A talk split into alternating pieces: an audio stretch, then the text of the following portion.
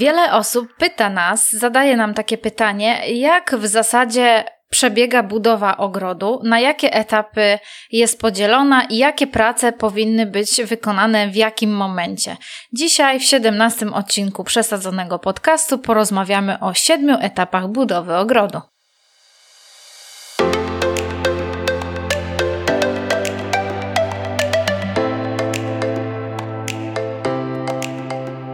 Co dzień jesteśmy projektantkami ogrodów. To nie tylko nasza praca, ale nasza wielka pasja.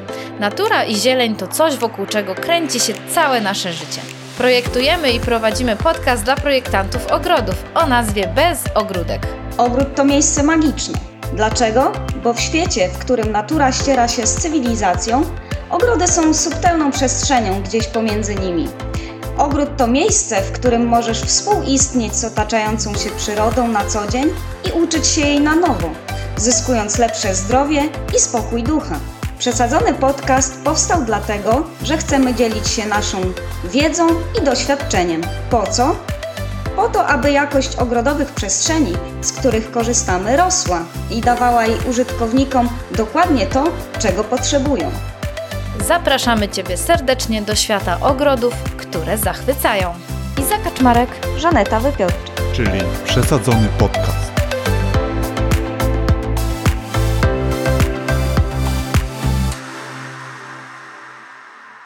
Cześć Żania. Witaj Iza, hej hej. Siedem etapów budowy ogrodu. W taki sposób to podzieliłyśmy. I ja bym zaczęła od etapu pierwszego. Etap pierwszy to jest etap, który bardzo często tutaj tak go wydzieliłyśmy, dlatego że jest ważny, a bardzo wielu inwestorów całkowicie go pomija. I to jest zapanowanie nad kulturą pracy i standardem wykonania ekipy budowlanej, którą zatrudniacie do budowy ogrodu. O co nam tutaj chodzi? Bardzo często ekipy budowlane są po prostu skupione na tym, co robią, w sensie na tej budowie właśnie i nie zwracają zbyt dużej uwagi na to, w jaki sposób postępują z terenem działki, na której y, budują dom. Mam tutaj na myśli na przykład to, że robią tak zwany bałagan. Robią bardzo duży bałagan i nie gospodarują. Teraz tak, jak mamy ekipę budowlaną na działce, to wiele prac oni przeprowadzają, które skutkują tym, że mają wiele odpadów. To są jakieś. Jakieś fragmenty materiałów, jakaś resztka betonu, resztka jakiejś rozrobionej zaprawy, której było trochę za dużo i zostało pół wiadra.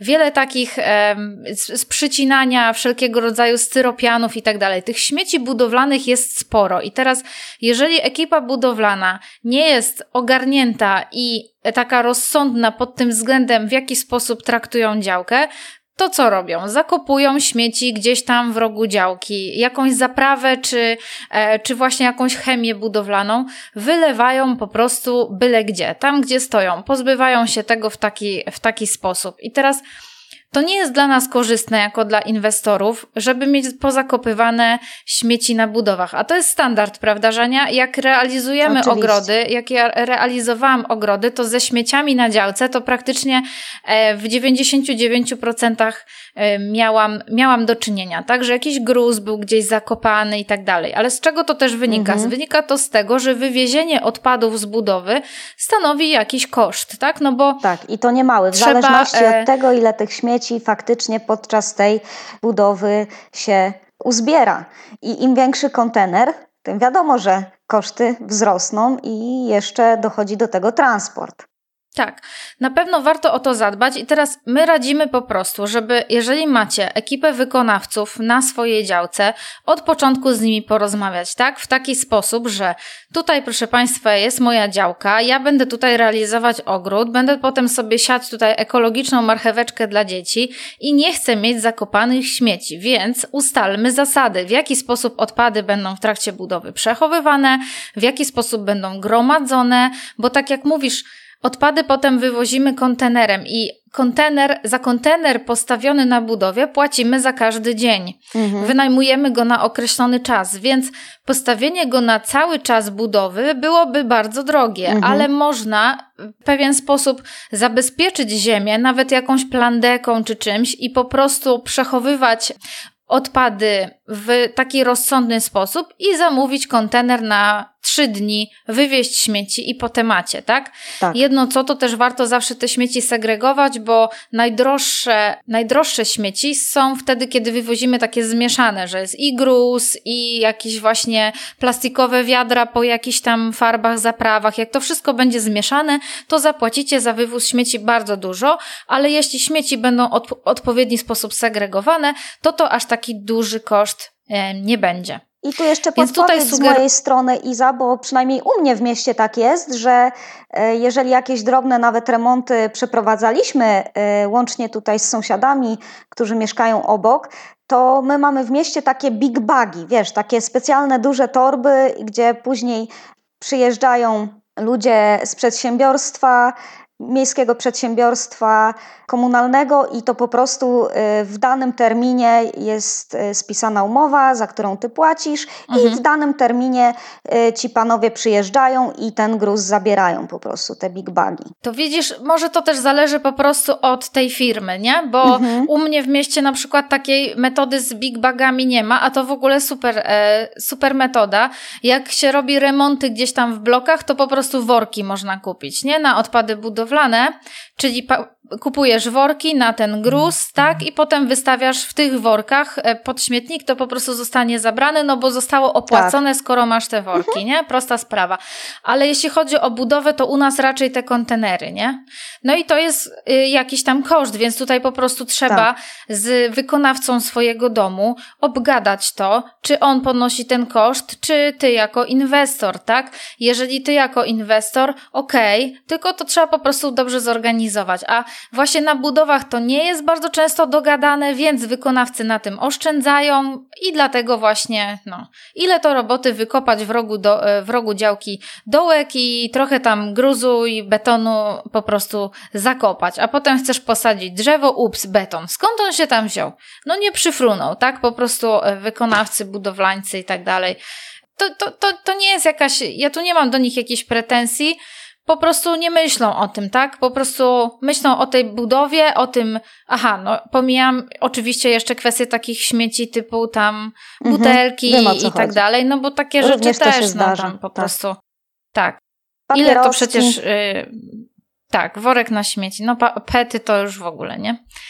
Więc etap pierwszy. Zapanuj nad swoją ekipą budowlaną i wyznacz jakieś zasady, jakieś granice i sposób gospodarowania odpadami. Więc na tym etapie budowy już zadbasz o teren swojej działki, tak żeby nie pozostał budowlanym śmietnikiem. Tak jest. Jeżeli chodzi o etap drugi, to to jest etap, o którym bardzo często mówimy y, z Izą w naszych podcastach. To jest wyprowadzenie odpowiednich przyłączy z budynku na etapie budowy tego domu. I co mam tu na myśli? Oczywiście takie dwa media jak woda oraz energię elektryczną. Ponieważ jeśli w ogrodzie będzie planowany przez nas system automatycznego nawadniania, no to to przyłącze wody powinno y, zostać wyprowadzone z naszego domu na nasz ogród już na etapie budowy domu. Po prostu który y, będzie jeszcze w surowym stanie, jeszcze przed tynkami y, wewnętrznymi i zewnętrznymi, tak?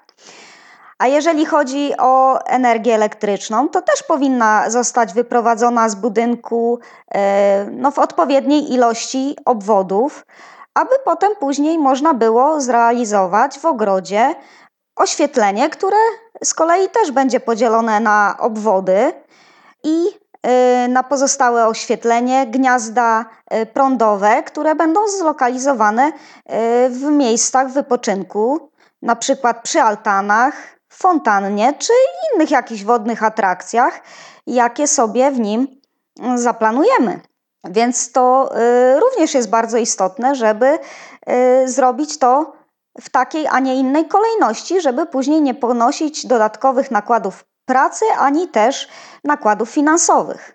Jeżeli skończymy taką budowę i później się budzimy, yy, że trzeba zrobić ogród, a i myślimy sobie, ojej, a tu faktycznie nie, nie ma przyłączy wyciągniętych na zewnątrz, co teraz? No co teraz? Ingerencja w budynek następuje często gęsto, no i również y, w podłoże, gdzie już mamy praktycznie często, zobacz, i za założony już trawnik i trzeba go po prostu ryć, że tak powiem, żeby ten system automatycznego nawadniania sobie założyć, więc to jest tak ważne, żeby tej pracy po prostu nie wykonywać jest... mhm. no, w, nie, w nie takiej y, kolejności, jak trzeba. To jest bardzo częsty robić. błąd, że mhm. mamy wodę wyciągniętą tylko w jednym miejscu i ta, jeszcze to przyłącze wodne jest bardzo małej średnicy tak. i potem podlewanie całego ogrodu z jednego miejsca jest bardzo trudne, uciążliwe, a poza tym właśnie jeśli mamy tylko jeden kran i będziemy chcieli do niego potem podłączyć system nawadniania, to nie mamy więcej ujęć wody. Więc to, to jest bardzo częsty błąd. A dwa, to co ty mówisz o tych obwodach elektrycznych, nie? że jak się tego dobrze nie przemyśli na tym etapie, to potem mamy wyciągnięty owszem prąd do ogrodu, ale to jest na przykład jeden obwód. I wtedy, jeżeli zrealizujemy na przykład gniazdo e, w domku ogrodnika, oświetlenie, to to wszystko jest na jednym obwodzie, tak? Więc musimy mieć wszystko uruchomione naraz, nie możemy tego rozdzielić. I to jest też nie, nierozsądne i niepotrzebnie tak naprawdę tracimy pieniążki na, na zasilenie tego wszystkiego w jednym momencie, nie korzystamy z tego w jednym momencie, tak? To jest też ważne mhm, z oświetleniem, bo na przykład warto, żeby oświetlenie przed domem było na przykład e, włączone, załączone całą noc, zwłaszcza jeśli mieszkamy w jakimś ciemnym osiedlu, tak? Niech tam część lamp świeci się całą noc, ale na przykład z tyłu ogrodu tylko do pewnej godziny, no bo po co nam oświetlenie naszych rabat, e, nie wiem, o trzeciej nad ranem, tak? No raczej nie spędzamy wtedy Podczas... czasu w ogrodzie. Tak, tego jak Chociaż będziemy może się tak zdarzyć. spać. Tak, więc tutaj ta ilość obwodów się kłania. No tak. Ok, trzeci etap budowy ogrodu to jest wykonanie nawierzchni utwardzonych, czyli podjazdu, a także wszelkiego rodzaju ścieżek albo placyków wypoczynkowych, jeżeli takie planujecie w swoim ogrodzie.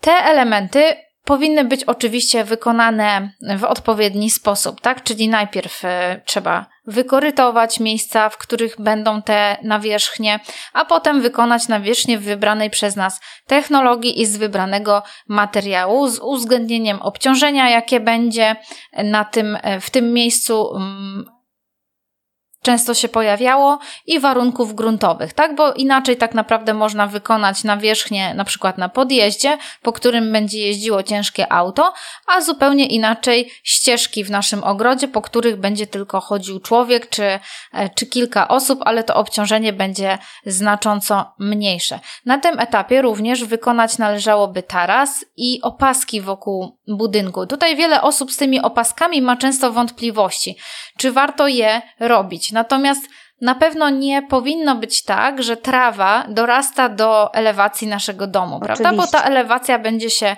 będzie się brudziła, będzie trochę zachodziła, to też jest kwestia podlewania i tak dalej.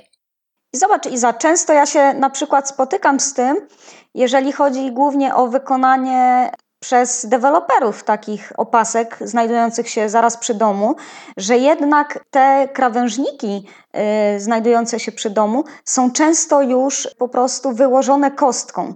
Tam nie robi mhm. się opasek żwirowych, o y, jakich ty mówisz, tylko po prostu jest, y, są tam włożone trzy czy cztery kostki i nie wiadomo też do czego to przypiąć, że tak powiem, nie? Jak, jaki był w ogóle y, tego cel i jakie założenie, gdzie w ogóle przestrzeń między tą kostką, przestrzeni między tymi kostkami nie ma, nie?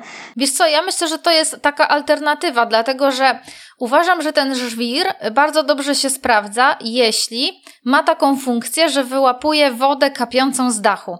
Że jeśli mamy y, tak wysoki budynek i taki, taki dach, że woda z krawędzi dachu kapie sobie, bo zawsze kapie no trochę tak. wody z krawędzi mhm. dachu, że ona sobie kapie w ten żwir i wtedy nie wychlapuje się, nie chlapie nam na elewację. Jeżeli mamy budynek domu, z mocno wysuniętym dachem, poza obrys jak gdyby ścian, to to nie będzie miało takiej funkcji, bo ta woda będzie sobie kapała mm, jak gdyby dalej, tak?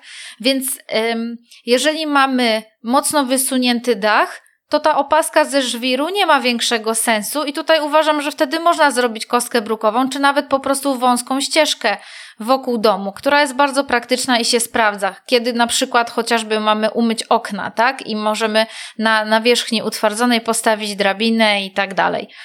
No tak, ale zobacz, yy, tak jak mówisz, te dachy w stanie de y, deweloperskim, przy, zwłaszcza przy zabudowie szeregowej, nie są y, wysunięte tak bardzo, jak mówisz, jak to ma miejsce w przypadku stojącego domu jednorodzinnego, nie?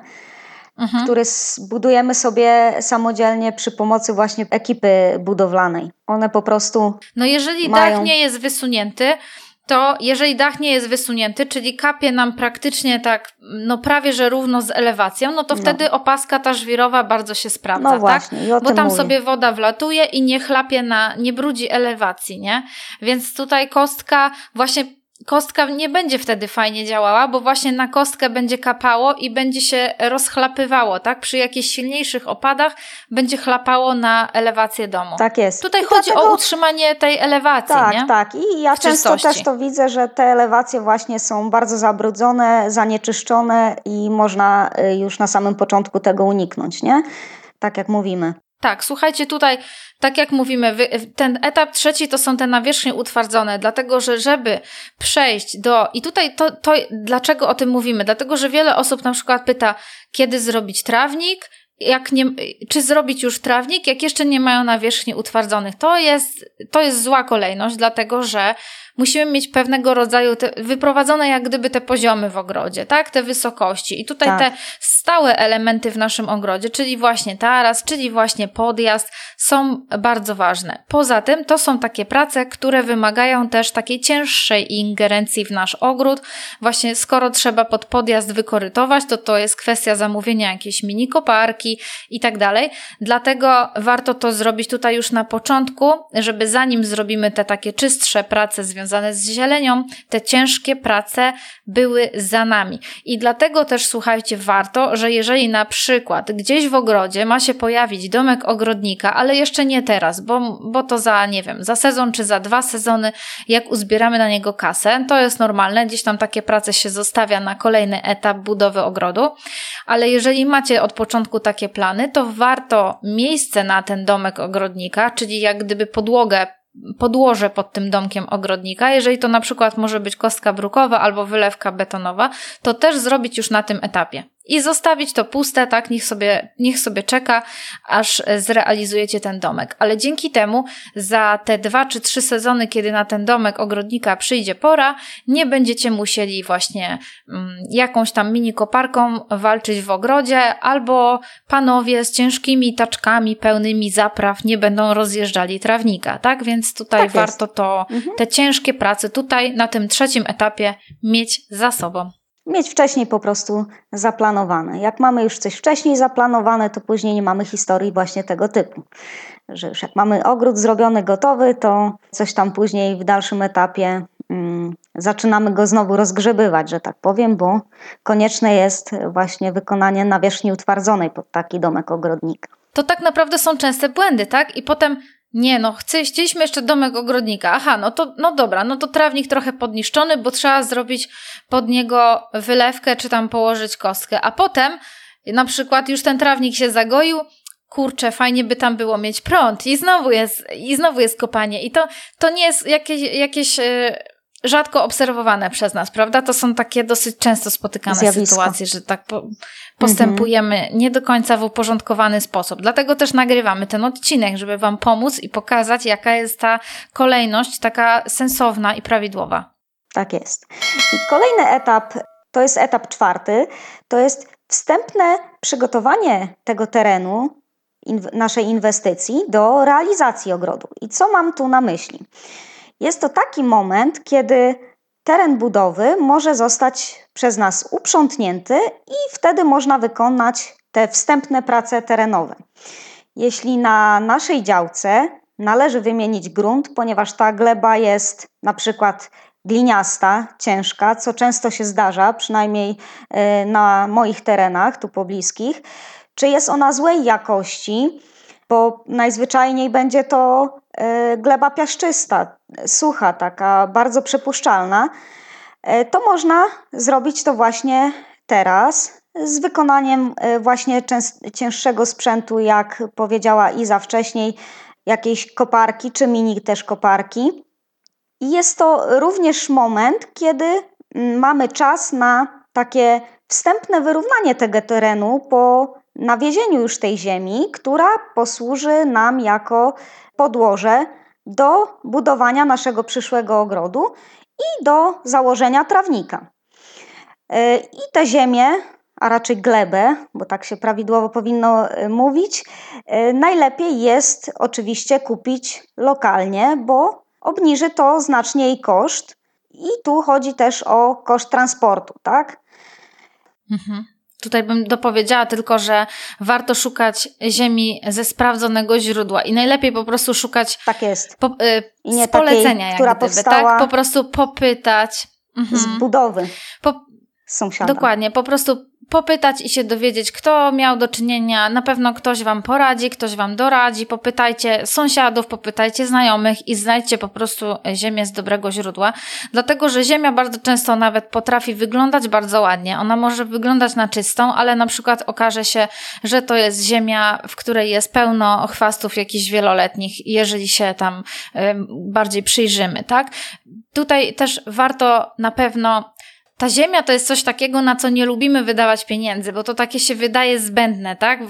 Na meble tarasowe to co innego, bo widzimy, siedzimy mhm. na nich i są piękne i super, ale na tą ziemię to nie lubimy wydawać kasy, a ja bym powiedziała, że tutaj to jest taka tak naprawdę inwestycja a ta w wasz gleba ogród. to jest tak, tak naprawdę tutaj... podstawa naszego przyszłego ogrodu, więc y, w to tak. najbardziej powinniśmy inwestować te pieniądze, bo na tej właśnie glebie będzie y, powstawał i rósł i dojrzewał nasz przyszły ogród. I to będzie w dużej mierze zależało od tego, jakiej jakości e, gleby tutaj użyjemy, no bo rośliny nam się za to odwdzięczą. Albo jeżeli będzie złej jakości, będzie wręcz odwrotnie. Będą Wręcz mizerne. odwrotnie, także tak. Tutaj warto po prostu znaleźć dobrą ziemię z dobrego źródła. Tak jest. Na następnym etapie, etapie piątym, realizujemy ogrodzenie ogrodzenie naszej działki. I tutaj zobaczcie, że z tego właśnie wynika ta kolejność. Jeżeli potrzebujemy nawieźć ziemię na naszą działkę, to zrobiliśmy to w poprzednim etapie, tak? Czyli jakaś wywrotka już na działkę wjechała, ziemię zrzuciła, pojechała i po temacie, tak? Teraz możemy zamknąć teren tej działki i Właśnie z tego wynika taka kolejność, bo jak zamkniemy sobie już działkę ładnym ogrodzeniem, to wtedy wołanie wywrotki z ziemią byłoby kłopotliwe. Tą ziemię najprawdopodobniej mhm. trzeba by było zrzucić przed naszą działką i po prostu taczkować co jest bardzo mozolną pracą. No niewygodne także, to jest. Także tutaj no tak. nie, wart, nie warto. Można, co prawda, oczywiście wcześniej zamknąć sobie budowę jakimś tymczasowym ogrodzeniem, tak? Albo zamknąć budowę z trzech stron już ogrodzeniem, docelowym nawet, tak? Panelowym czy coś, ale to takie ładne ogrodzenie, które najczęściej realizujemy na frontowej części działki, czyli bardzo często murowane albo, albo metalowe, ale to jest to takie bardziej dekoracyjne ogrodzenie, realizujemy dopiero na tym etapie. Można już wymurować ogrodzenie, zamontować przesuwną bramę, zamontować furtkę i posesja będzie już zamknięta. Mhm. No bo tak, tak jak mówisz Iza, to ogrodzenie frontowe jest zawsze najdroższe w porównaniu do tych, które są y, z boku działki lub y, też w tylnej części. Kolejnym takim etapem, czyli etapem szóstym, są obrzeża e, rabat, elementy małej architektury i instalacja nawadniania i oświetlenia. Czyli tak naprawdę jest to czas na wytyczenie w terenie e, rabat, które chcemy mieć w swoim ogrodzie i odcięcie ich od powierzchni trawnika obrzeżami wykonanymi albo z kostki brukowej, albo z kostki kamiennej, albo z geoborderu, albo z tego, co po prostu zechcemy mieć te obrzeże wykonane, tak? tak? Czego, tak. I należy tylko pamiętać wtedy o tym, żeby wykonać takie obrzeża, aby w taki sposób, aby ułatwiały nam one koszenie. I powierzchnia kostki powinna być wtedy równa z tym gruntem, aby po prostu kosiarka sobie swobodnie przejeżdżała po niej kołem i kosiła ten trawnik y, na y, równą powierzchnię, nie zostawiając nam wtedy takiej nieestetycznej brody, że będzie ta różnica widoczna po prostu na obrzeżach tego trawnika, tak?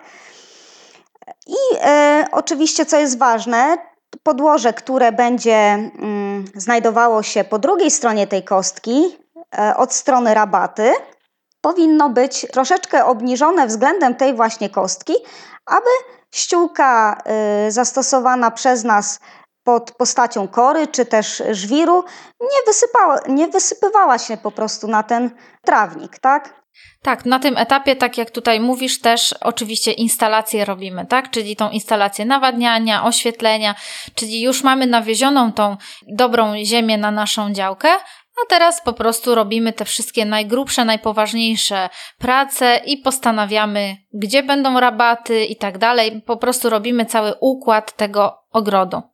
I to są tak naprawdę takie ostatnie ciężkie prace w naszym ogrodzie. No tak. I kolejnym etapem, jeśli chodzi o zakładanie naszego przyszłego ogrodu, jest taki etap, że tak powiem, najprzyjemniejszy, ale ludzie zapominają o nim i tworzą go, e, powiedzmy, jeśli nie w pierwszym e, etapie, zaraz po założeniu żywopłotu w swoim ogrodzie, to jest założenie trawnika, a ono powinno być tak naprawdę wykonane na końcu, jeśli chodzi o nasz przyszły ogród, zaraz po tym, jak te rabaty roślin zostaną przez nas e, wyznaczone. Tak, słuchajcie, tutaj to jest pokusa wielu z nas, tak, że jest już ta budowa, ta budowa już trochę męczy i tak w pewnym momencie już chcemy mieć czysto, chcemy mieć posprzątane i mieć tak już na czysto. I wtedy właśnie kusimy się o posianie trawnika.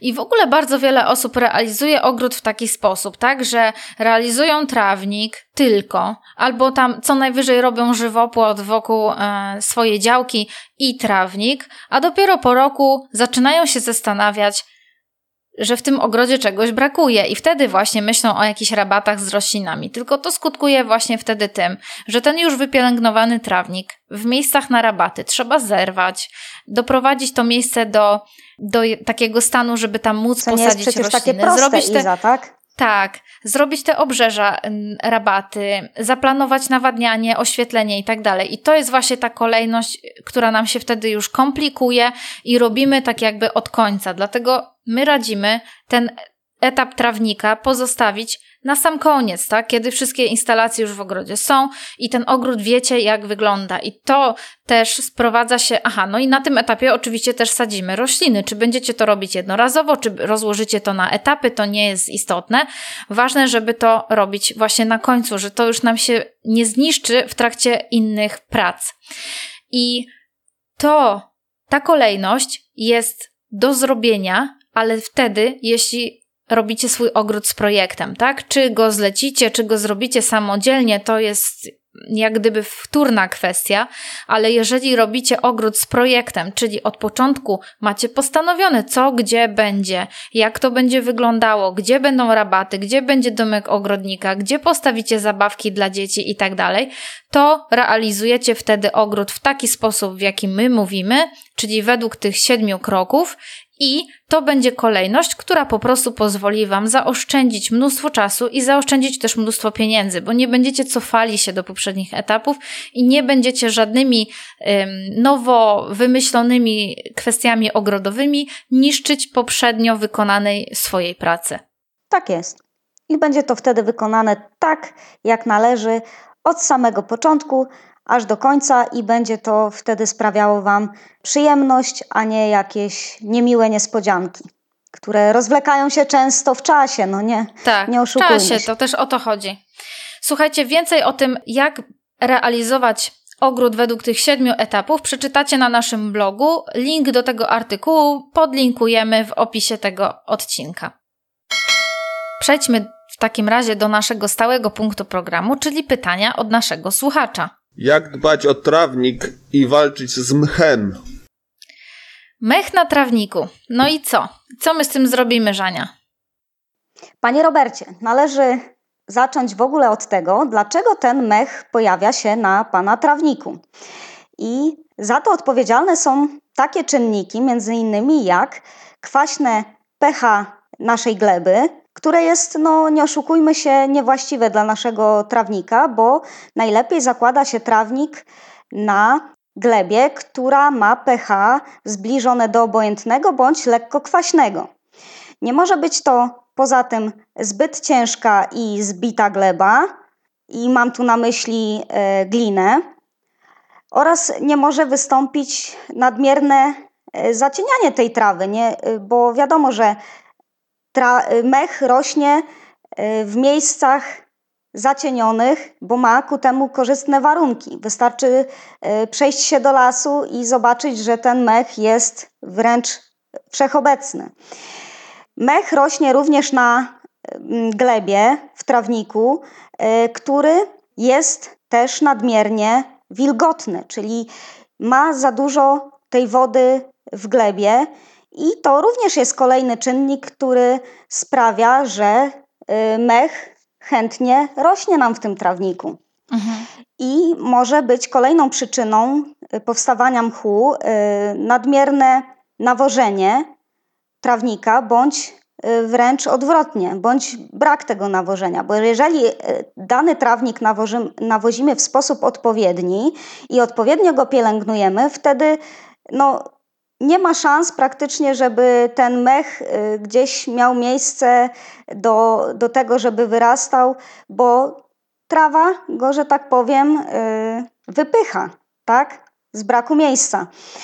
E, jeżeli mamy też zbyt rzadki trawnik, czyli takie gołe place, gdzie nie mamy tego trawnika na danej powierzchni, no to wtedy ten mech również będzie nam mógł wyrastać.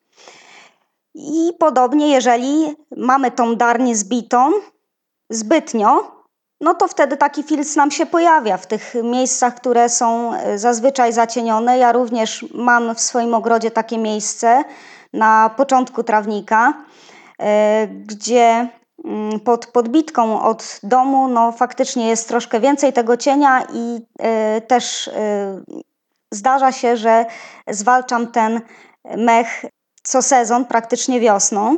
I wiadomo, że żeby pozbyć się tego mchu, no do tego potrzebne są odpowiednie zabiegi pielęgnacyjne. Jak? Odpowiedni tak, tutaj preparat samo, chemiczny. Samo kupno, tak, Mhm. Albo pre... Samo, ale wiesz co? Mhm. Ja, wiesz co, ja myślę, że samo, samo właśnie y, kupienie jakiegoś preparatu, że pójdziemy do sklepu ogrodniczego i kupimy nawóz na trawnik z mchem, to może nie wystarczyć i to jest trochę mało. Po prostu my zapobiegajmy pojawianiu się tego mchu na naszym trawniku poprzez odpowiednie zabiegi, tak? Jeżeli mamy, jeżeli zakładamy trawnik na dosyć ciężkiej glebie, to powinniśmy podłoże przed założeniem trawnika rozluźnić. Tak. Wymieszać trochę z piaskiem albo lepiej po prostu z taką żyzną ziemią, ale, ale przepuszczalną w taką bardziej piaszczystą, a nie ciężką, nie takim torfem, tak? Jak mamy ziemię ogrodową z e, worka mm, z, z marketu, tak? To nie może być takie plastyczne mocno podłoże, bo trawnik potrzebuje dużo powietrza. Poza tak tym jest. zabiegiem, którego wiele osób nie przeprowadza, jest wertykulacja, wertykulacja. coroczna, tak? Tak, wertykulacja, czyli usuwanie Które... tego starego filcu powstałego po zimie, bo gdy śnieg topnieje, to wtedy widzimy, w jakiej faktycznie e, fizycznej kondycji jest nasz trawnik i często właśnie powstają takie gołe place albo ten trawnik jest osłabiony przemarznięty bądź e, ma jakieś choroby, które również wpływają na to, że jest on osłabiony. Tak? Czyli należy zrobić wertykulację, mhm. wygrabić to e, widłami takimi wachlarzowymi najlepiej. I to jest naj, najprostszy i najszybszy sposób do i w, kolei, w kolejności odpowiedniej nawieść odpowiednim nawozem, żeby ten trawnik y, tak. był w takim stanie, jak y, sobie tego życzymy o pożądanym kształcie. Tak? Słuchajcie, tak, poza tym aeracja, tak? Jeżeli macie Nakłuwanie. ciężkie podłoże w ogrodzie, to na, należałoby przeprowadzić aerację i nie potrzebujecie do tego jakichś y, bardzo skomplikowanych urządzeń, maszyn, bo można kupić takie nawet, Specjalne no będzie nakładki. to trochę śmiesznie wyglądało, ale można kupić takie nakładki na buty, takie z kolcami. I ubrać i kto był niegrzeczny po prostu ubiera nakładki z kolcami i idzie deptać miejsce po miejscu trawnik. Potem należałoby rozsypać po trawniku trochę piasku i przegrabić, żeby piasek uzupełnił te, te dziurki, które powstaną poprzez nakłuwanie tak. i w ten sposób polepszycie mm, swoją glebę w ogrodzie na, pod, pod waszym trawnikiem, tak? Słuchajcie, żeby mech się nie pojawiał, trzeba dbać według pewnych zasad, tak? Po pierwsze to jest wertykulacja, po drugie aeracja w ramach potrzeb.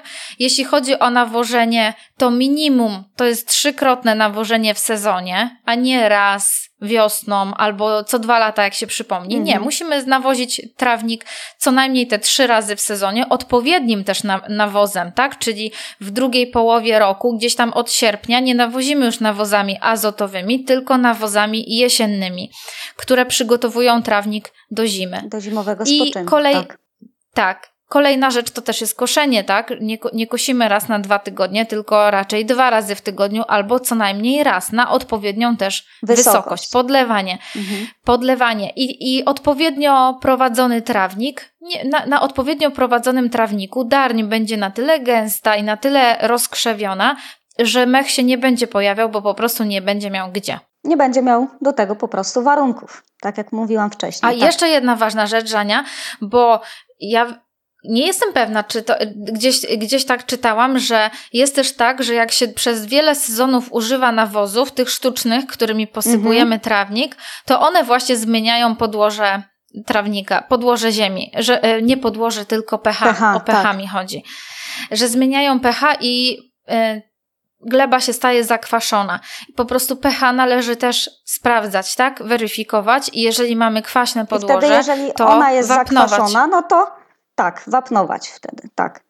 To właśnie miałam powiedzieć. A wapnowanie jesienią, nie? Wapnowanie to jesienią, więc to, to, to nie na teraz, ale na teraz na pewno sprawdzenie, jakie macie pH na waszym trawniku i reakcja uzasadniona w tej, w tej sytuacji. Po prostu, jeżeli na trawniku jest kwaśne pH, to należy zaplanować wapnowanie na jesień. Żeby tą, te pH w tej glebie zobojętnić, bo pH kwaśne sprzyja rozwojowi mchu w zacienionych miejscach w naszym ogrodzie zwłaszcza. No, a to jest jeszcze kolejna rzecz, którą chciałam powiedzieć, że jeżeli macie jakieś takie zacienione miejsca, czyli na przykład jakieś wąskie przejście przy domu, między domem a żywopłotem i tam po prostu przez większość dnia jest ciemno, to mech się tam będzie pojawiał. To lepiej wtedy w takim miejscu po prostu to zaakceptować, bo trawa jednak jest tak, trawa jednak jest światłożądna i potrzebuje dużo światła, więc jeżeli takich warunków nie jesteście w stanie zapewnić, to naprawdę nie warto tam sypać nie wiadomo jakiej chemii i walczyć, bo ten mech się i tak tam będzie pojawiał. To syzyfowa praca, po prostu go polubcie. Albo zastosujcie yy, rośliny zadarniające w tym miejscu, rośliny które zadarniające, tak. Mhm. nadają się właśnie do takiego cienistego stanowiska. Tak, po prostu na cienistych stanowiskach nie zakładamy trawnika, bo to nie będzie ładna murawa, tylko będzie tam mech, chyba że jesteśmy w stanie to zaakceptować, a jeśli nie, to tak jak mówisz, rośliny zadarniające tak są stanowczo lepszym wyborem. Do Albo cienia. rabata po prostu, tak. tak? Albo robimy rabatę.